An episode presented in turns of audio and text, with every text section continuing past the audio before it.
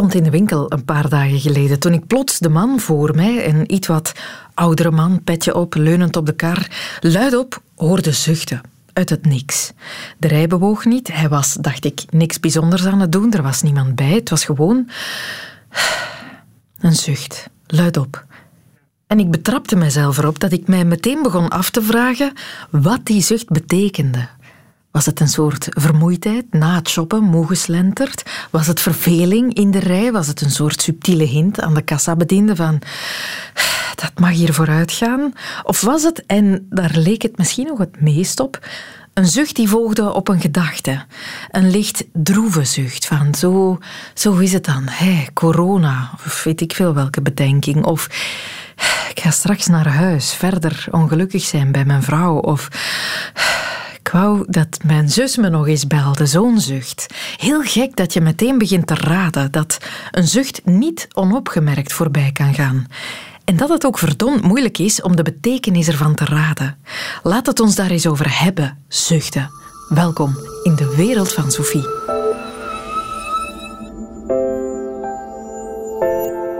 We associëren het misschien gemakkelijk met negatieve gevoelens. Zucht, er scheelt iets. Maar eigenlijk zijn er waarschijnlijk net zoveel positieve zuchten te vinden. Wart, de wereld van de zucht is een zeer rijke wereld. Ja, en je geeft het zelf al aan. Hè. Je, je, je had die ene zucht van die man voor je in de rij gehoord en je hebt meteen een hele reeks mogelijke betekenissen klaar. En ik heb me daar nu eens mee bezig gehouden om al die verschillende zuchten te categoriseren. en ik kan eigenlijk maar tot één conclusie komen, Sophie. Volgens mij valt er geen menselijke activiteit te bedenken waarbij de taal zo schromelijk tekortschiet om nuances uit te drukken dan bij het zuchten. Ah ja? Ja, en ik, ik gebruik nu het woord nuances. Het gaat over veel meer dan nuances. Geen twee zuchten zijn dezelfde. In klank, in lengte, in diepte, in hoogte en vooral in betekenis van de zucht is er zo'n enorme verscheidenheid dat het eigenlijk onverklaarbaar is dat er voor al die verschillende vormen van zuchten maar één woord bestaat, Mhm. namelijk zuchten. En dat er dus niet, eh, zoals er in de Inuit-talen tientallen woorden bestaan voor sneeuw, er geen tientallen woorden bestaan voor zuchten. Mhm. Dat zou namelijk terecht zijn. Kijk, als je aan mensen gaat vragen, zucht eens, dan ga je denk ik min of meer altijd hetzelfde soort eh, zucht horen. Zo. Dat, dat noem ik dan bij gebrek aan woord dat ervoor is. De zucht eens voor de dokter ter- terwijl hij met zijn veel te koude stethoscoop op je rug aan het vernikken is. Zucht. Ja, ja. Hè? Die, die snap je wel. Hè? Maar dan heb je nog een hele hoop andere categorieën. Ik, ik haal er maar een paar aan. De genotszuchten. Eh, bijvoorbeeld. Ik ga er eens eentje laten horen. Ik heb hier een kop hete koffie voor mij staan. Ik neem daar nu een slok van. En dan komt die. De drankzucht. Voel je hem? Dat, dat is dus een zucht die ontstaat achteraan in de keel en die je met heel veel lucht naar buiten eh, stoot. Een, een andere zucht, daarvoor moet ik even Bert en Ernie erbij halen uit Sesamstraat. Een klein beetje duiding. Ze liggen beide te slapen in een kamertje naast elkaar. En Ernie wordt wakker, of, of Ernie kan de slaap niet vatten en hij denkt, ah, als ik op mijn bugel speel, dan val ik doorgaans makkelijker in slaap. Hij speelt een liedje op zijn bugel, waar Bert natuurlijk eh, van wakker eh, schiet. En dan gebeurt dit. Volgende keer denk ik eerst even na voor ik beroel ga spelen. Ah, dank je. Jij ook, Bert? Wel trusten, Ernie. Oeh, wel trusten, Ah. Bert.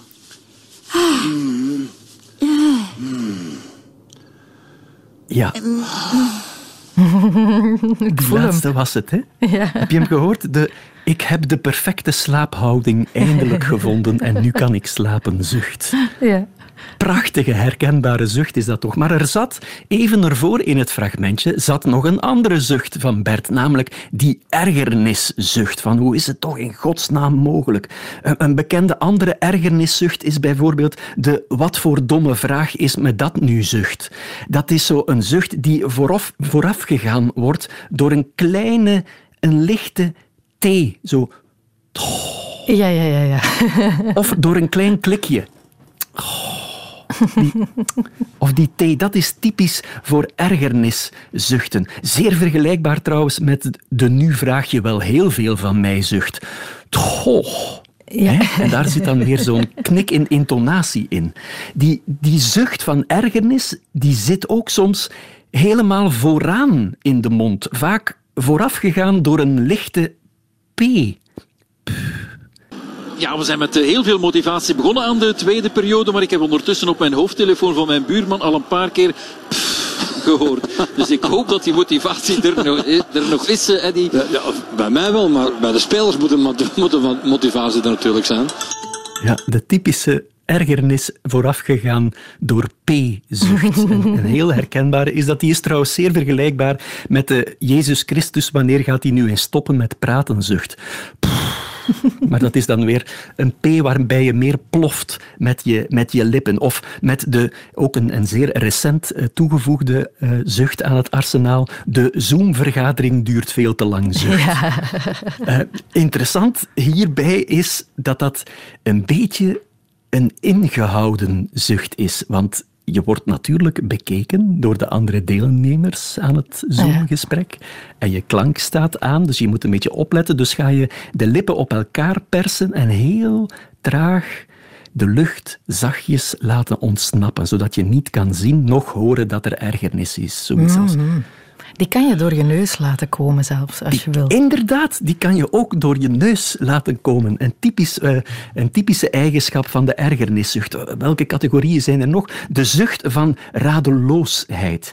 Eh, een typisch voorbeeld daarvan is de alle onderdelen liggen klaar behalve die vijs waarmee ik moet beginnen volgens het IKEA-plan zucht. De IKEA-zucht, ja. De IKEA-zucht. Je hebt dat ene stukje tekort en zonder dat stukje kan je niet beginnen. Zo. Iets, iets, iets dergelijks. Een iets langere, pure heb je dan ook vooraan in de mond.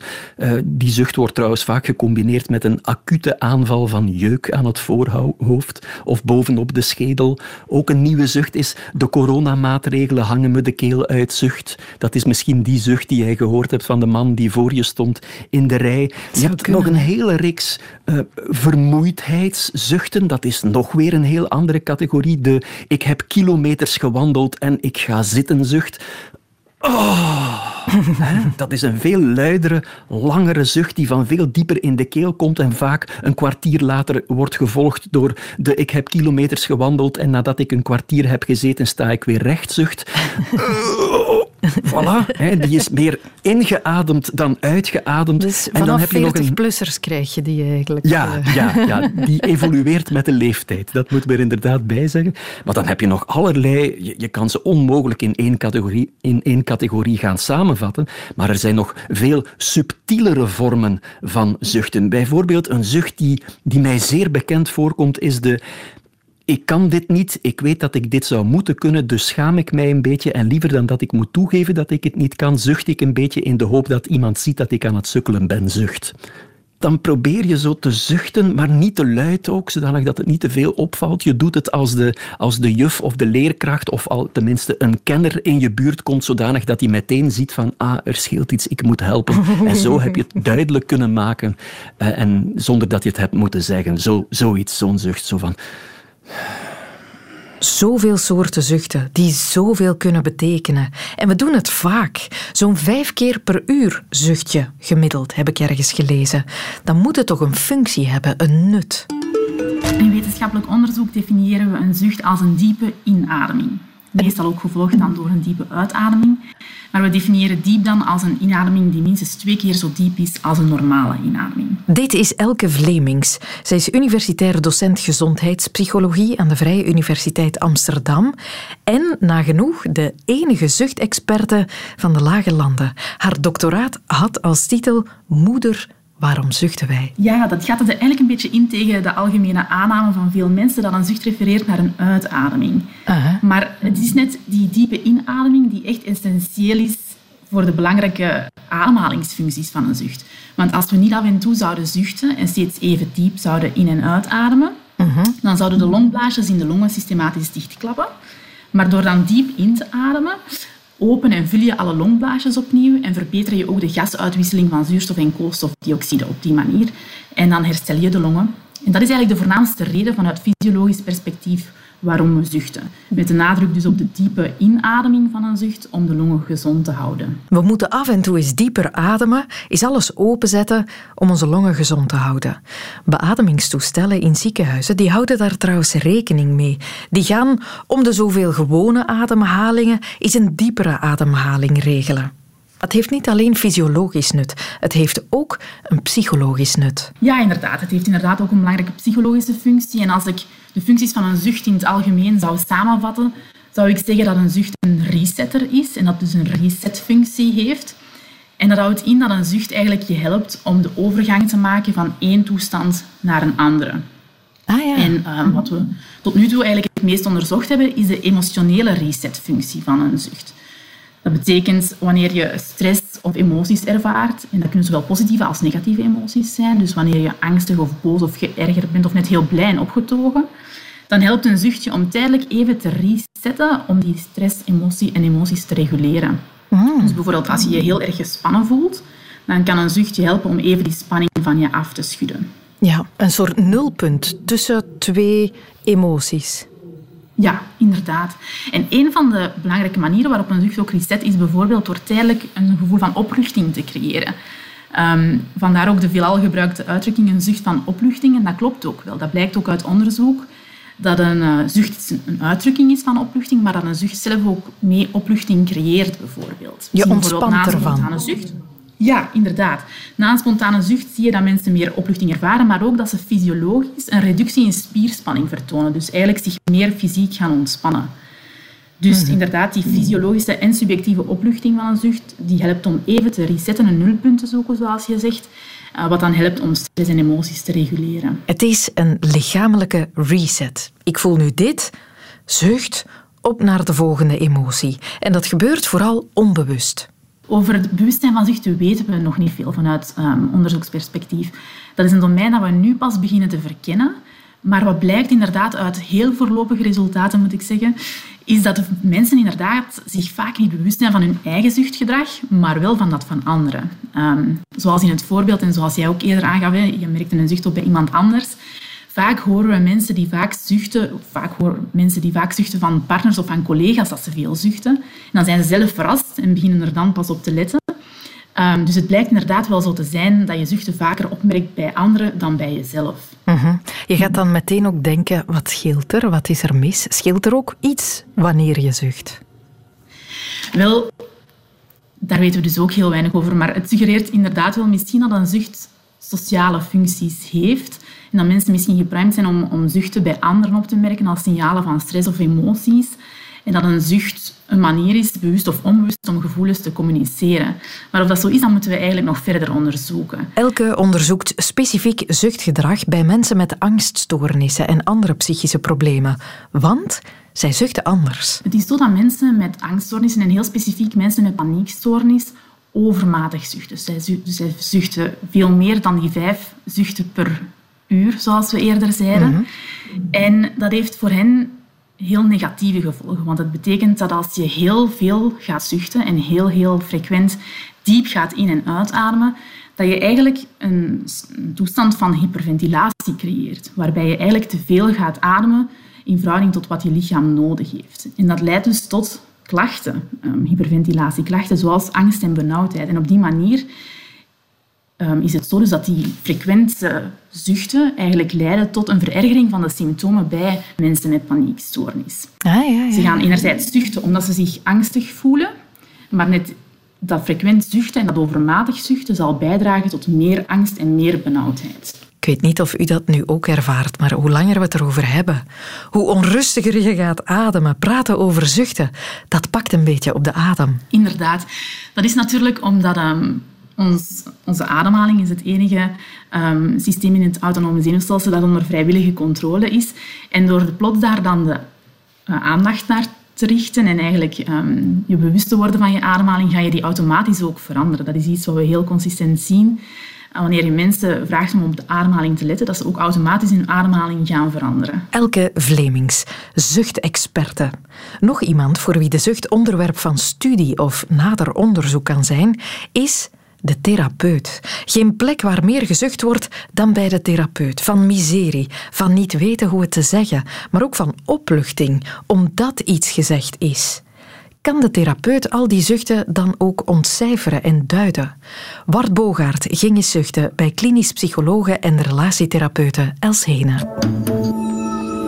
Gebeurt het vaak dat het begint met een zucht?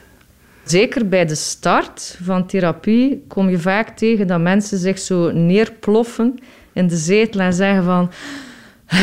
Haha, ik ben hier. En Wacht eens, volgens mij zijn dat al twee totaal verschillende zuchten. Die, twee verschillende, ja, ja? die hè en die hè hè. Bij die eerste is het, er staat mij iets moeilijks te wachten. En bij die tweede is het misschien, eindelijk, ik kan het vertellen. Maar ik denk dat als je kijkt naar wat een zucht is, dat is vooral luid, hoorbaar, krachtig ademen. Hè? En wat jij nu al aan het doen bent, Wart, dat is dat je het aan het invullen bent. Dus je gaat er betekenis aan geven, wat op zich natuurlijk eh, zeer logisch is. En bij de start van een sessie zijn er zeker mensen die qua lichaamstaal lijken te landen uh, in de gesprekskamer en blij lijken om er te zijn. Die een soort van uh, uit het leven stappen, wat heel hectisch kan zijn, en op dat moment zoiets hebben van hier ben ik. En dat is zo die he-he. Ja. Er zijn zeker ook momenten van uh, ja, zuchten van opluchting, die voor mij toch althans zo overkomen als ik heb iets heel moeilijks gezegd. Van,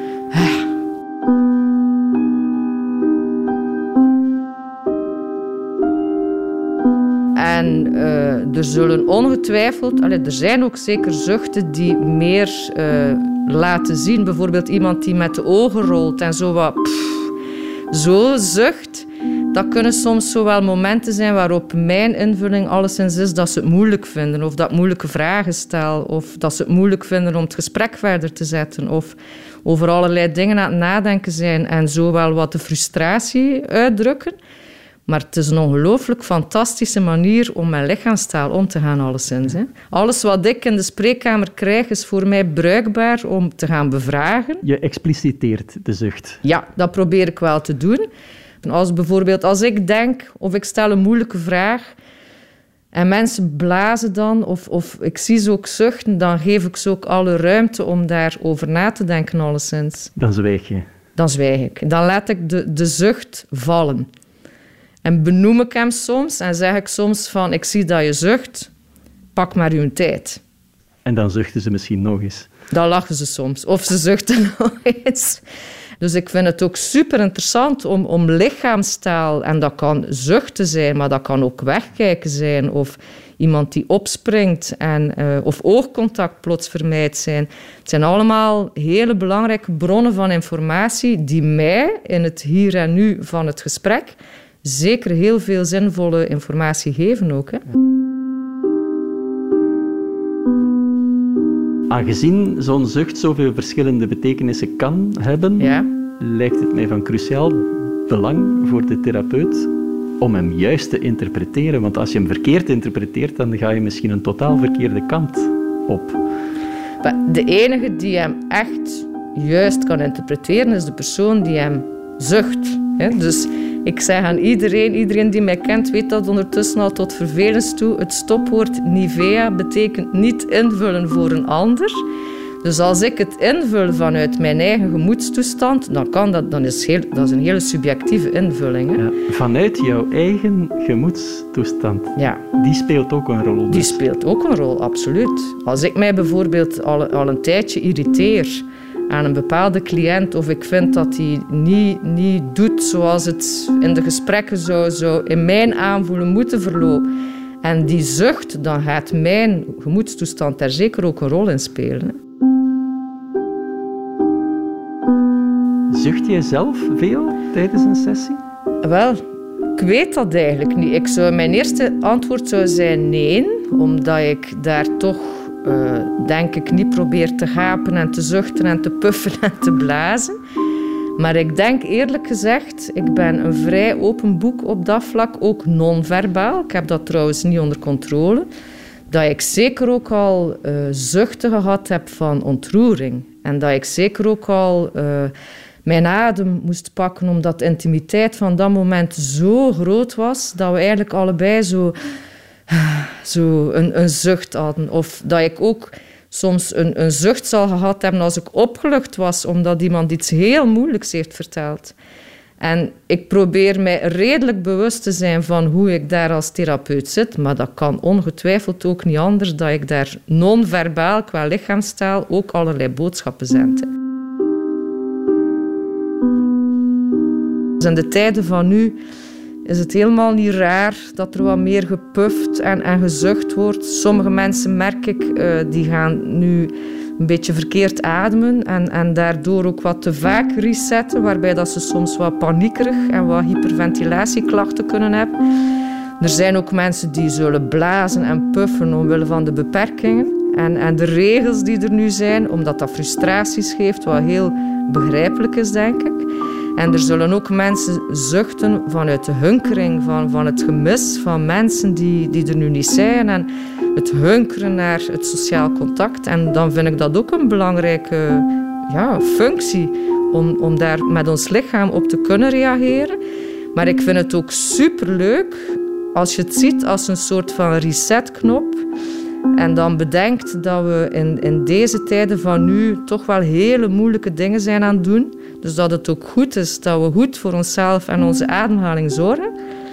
En dat we ook uh, nieuwsgierig kunnen blijven. Dat die resetknop en uw longen volzuigen ook kan betekenen dat we nog hele leuke dingen gaan doen. En dat dat een soort van uh, reactivatie naar de toekomst kan betekenen. Want daar ben ik echt, ook echt wel van overtuigd.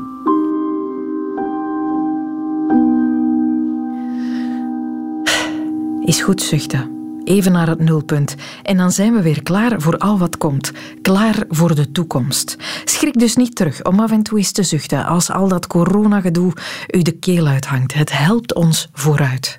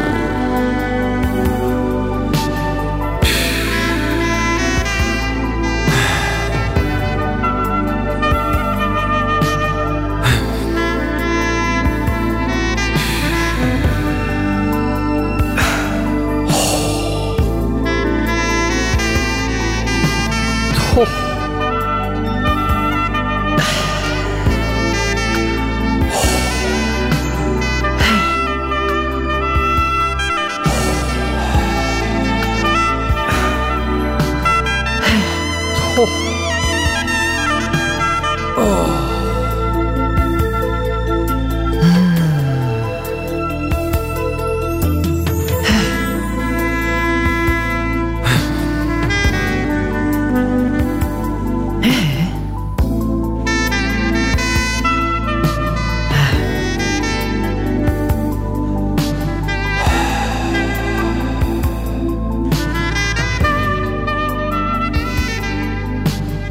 G hoorde je, featuring Wart Bogaert en Sophie Lemaire. Eindelijk zeg, eindelijk is een eigen single uitgebracht. Ik was op zoek gegaan naar muziek over zuchten en ik vond niet zoveel. Dus heb ik het dan maar zelf gemaakt. Maar waar ik ook wel op botste in mijn zoektocht, dat waren de zuchtmeisjes of zuchtzangeressen. Drumster en zangeres Isolde Lazoen kent dat fenomeen al langer. Ja, ja, ik vind dat wel een poëtische term eigenlijk, een zuchtmeisje. Ik was wel een beetje vergeten, moet ik zeggen, tot jullie mij belden. Ja, wel, uh, het is een, een naam of een, een, titel die men geeft aan bepaalde zangeressen die mij nog vreemd was. Hoe zou jij het omschrijven? Wat is een zuchtzangeres of een zuchtmeisje? Ik denk dat dat uh, ja, heel vaak geassocieerd wordt met uh, Franse zangeressen, vooral jaren 60, 70. Mm -hmm. natuurlijk omdat dat vooral in, op de kaart gezet is door Serge Gainsbourg, omdat hij specifiek met Je t'aime moi non plus um, vroeg aan Brigitte Bardot in eerste instantie om heel sensueel en met veel lucht en veel zucht en gekreun uh, en intimiteit uh, te zingen. En dan, ja. ja. die, die, die versie is eigenlijk nooit mogen uitkomen. Allee, toen niet. Die is in de lade beland omdat de toenmalige man van Brigitte Bardot dat niet zag zitten, dat, uh, dat zij daarmee naar buiten kwam. Al dat geheig. Ja, maar dan heeft hij een nieuw slachtoffer gevonden uh, een paar jaar later, Jane Birkin. Jane en die Birkin. deed dat gewoon wel. En het was eigenlijk nog, nog erger. Ja, ja, ja. Dit is het origineel, hè, samen met Brigitte Bardot.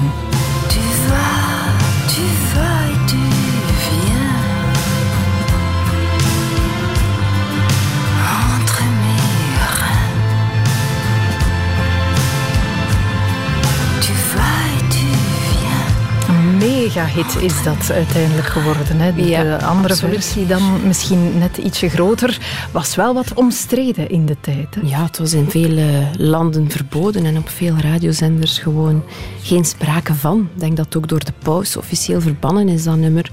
Dus uh, ja, dat moet nogal wat geweest dat zijn. Dat moet nogal geweest, wat geweest zijn. Hij is dan voortgegaan met Jane Birkin. Dan kreeg je nog andere nummers, zoals deze.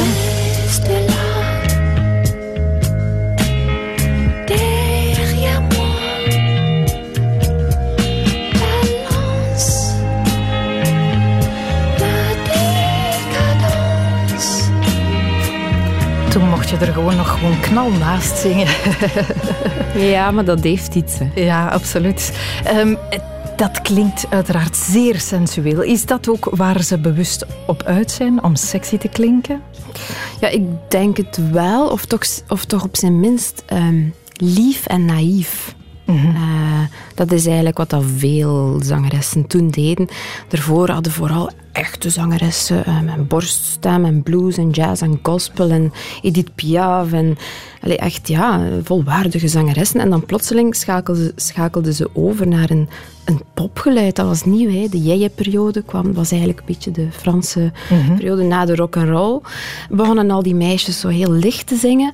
En dan de volgende stap was eigenlijk dat nog lichter zingen met veel lucht. En, en ja, de opnametechnieken waren dan denk ik ook al um, geavanceerder, waardoor dat je ja, met de juiste techniek eigenlijk super um, gedefinieerd kunt zingen. En met veel compressie hoor je al de lucht passeren, hoor je alle speekseldingetjes, alle tikjes op je tong en je tanden. Mm -hmm. um, dus ik denk dat dat daar ook mee te zien heeft. Er was gewoon plots een nieuwe manier van zingen. Ja, ja, ja. Eigenlijk uh, ASMR avant la lettre. Zo het, uh, het sub, de subtiele geluidjes waar mensen nu naar luisteren ja, om te ontspannen. Het, uh, het was dat... toevallig ook wel altijd waren het wel knappe dames of zo. Hè? Dat speelt François ook mee. En, en Jane Birkin. Allee, ik bedoel, dat zijn superschone, naturelle vrouwen. Hè, eigenlijk ja. ook. Dus dat ging daar eigenlijk wel een beetje mee samen. Het is niet in de jaren 60, 70 gebleven. Uh, dochter Charlotte Gainsbourg.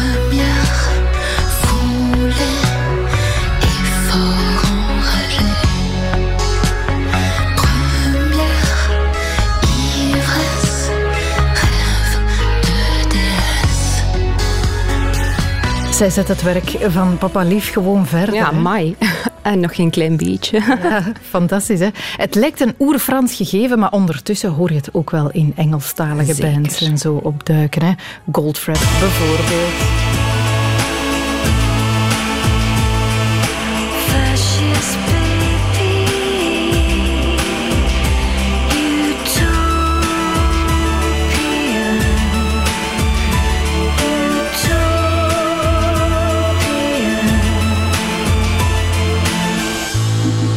Is een zangstijl geworden die ja. je overal wel hoort toepassen. Hoe doe je dat eigenlijk, zo zingen? Oh ja, um, allee, ze zeggen soms dat ik dat ook doe, maar ik doe dat... Allee, ik ben daar niet zo bewust mee begonnen van ik ga ook een keer zo zingen of zo. Blijkbaar is dat wat dat bij mijn stem en timbre past. Mm en dan ook dat Frans past daar goed bij. Dus ik zing heel vaak in het Frans.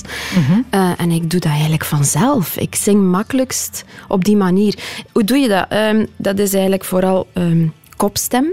Dus je hebt een borststem. Je moet maar ik proberen luid te roepen. Dat is sowieso je, je, borst. En dan heb je een kopstem. En een kopstem is... Ja, dat, je, je stem als je een toonladder zou zingen, kantelt op een gegeven moment mhm. van techniek, van de borst naar de kopstem.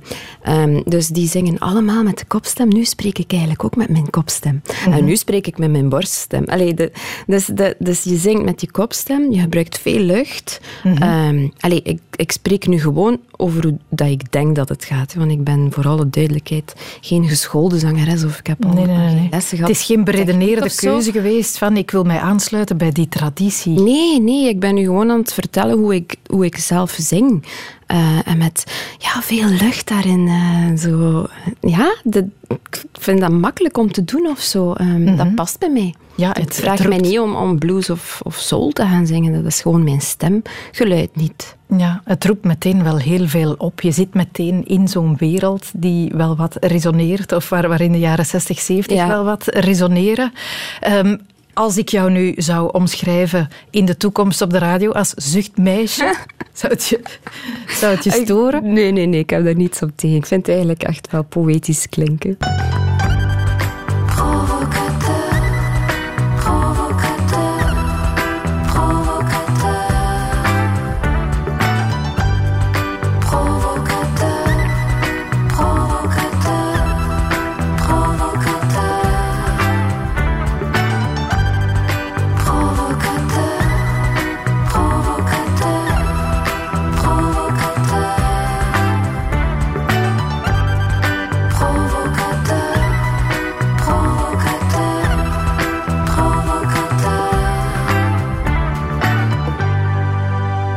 Doet ze dat goed, dat zuchtzingen. Isolde Lazoen hoorde je met Provocateur. Ik ga nog afsluiten met een karamellenvers. Gewoon omdat ik daar zin in heb. Een zucht geeft lucht aan een hart vol smart. Was jij wat nader en ik wat dichter, dan was die zucht heel wat lichter.